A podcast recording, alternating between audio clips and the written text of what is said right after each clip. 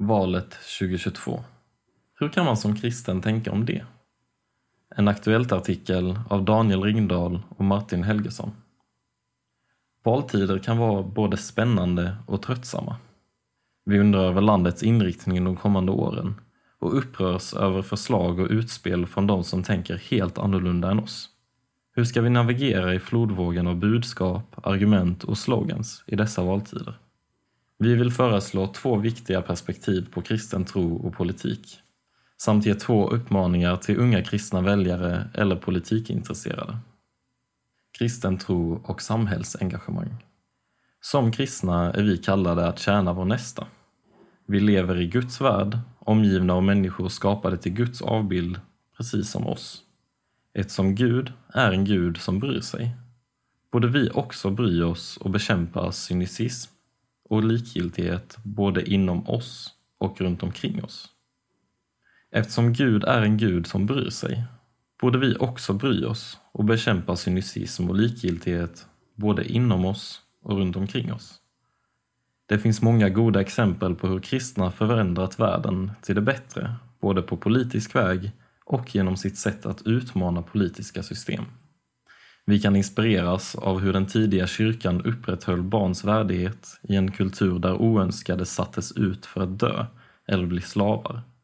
Kristna kejsare som avskaffade gladiatorspelen, William Wilberforce och hans vänner som troget kämpade för slaveriets avskaffande i det brittiska imperiet och medborgarrättsrörelsens kamp för afroamerikaners rättigheter. Sverige har en lång kristen historia och njuter många frukter av det. I takt med att Sverige distanserar sig från det arvet och vi kristna ofta känner oss främmande ska vi komma ihåg Guds uppmaning till sitt folk i Babels exil. Sök den stads bästa dit jag har fört er i fångenskap och be för den till Herren. När det går väl för den går det också väl för er. Jeremia kapitel 29, vers 7. Realism om politiska lösningar. Samtidigt som kristen tro inspirerar till engagemang för vår värld bidrar den med realism till vad politiska lösningar kan åstadkomma.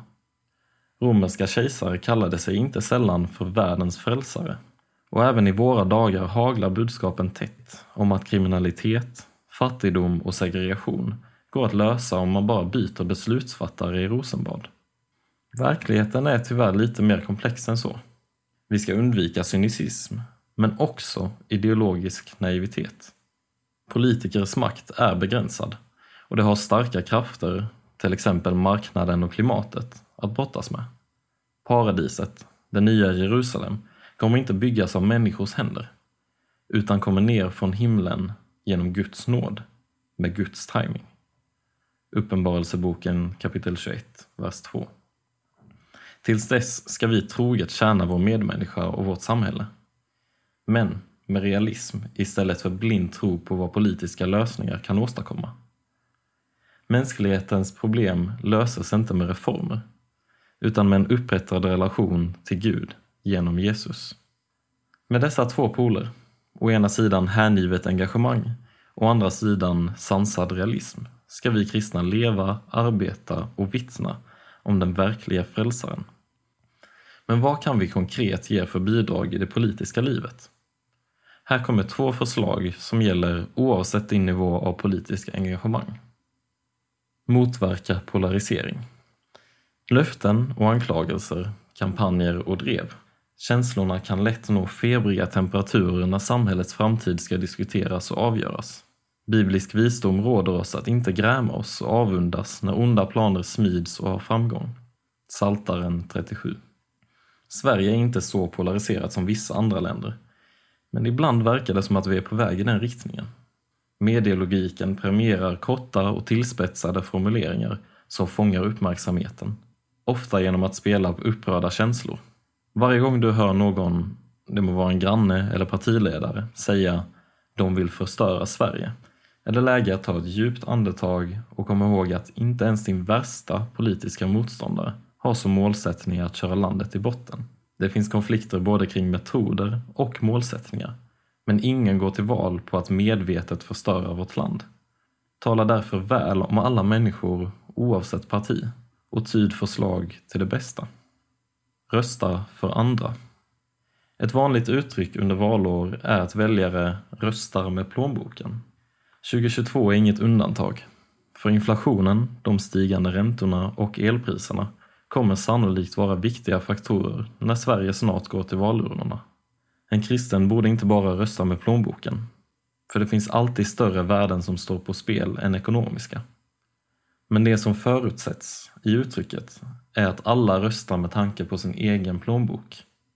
En kristen bör tänka bortom både plånboken och sig själv och fundera över vilka ledare som är bäst för landet som helhet. Finns det grupper och intressen som särskilt behöver skyddas framöver? Vilka saknar möjlighet att föra sin egen talan? Vilkas rättigheter är utsatta och undervärderade? Där borde vår kärlek till medmänniskan och vår längtan efter rättvisa vägleda vår röst. Inget av detta pekar ut vilket parti du ska rösta på. Kristna dras till och verkar genom olika partier. För alla politiska ideologier rymmer inslag av det sanna och goda. Använd din röst, du som har en, och låt oss alla be för vårt land och våra ledare, både före och efter den 11 september.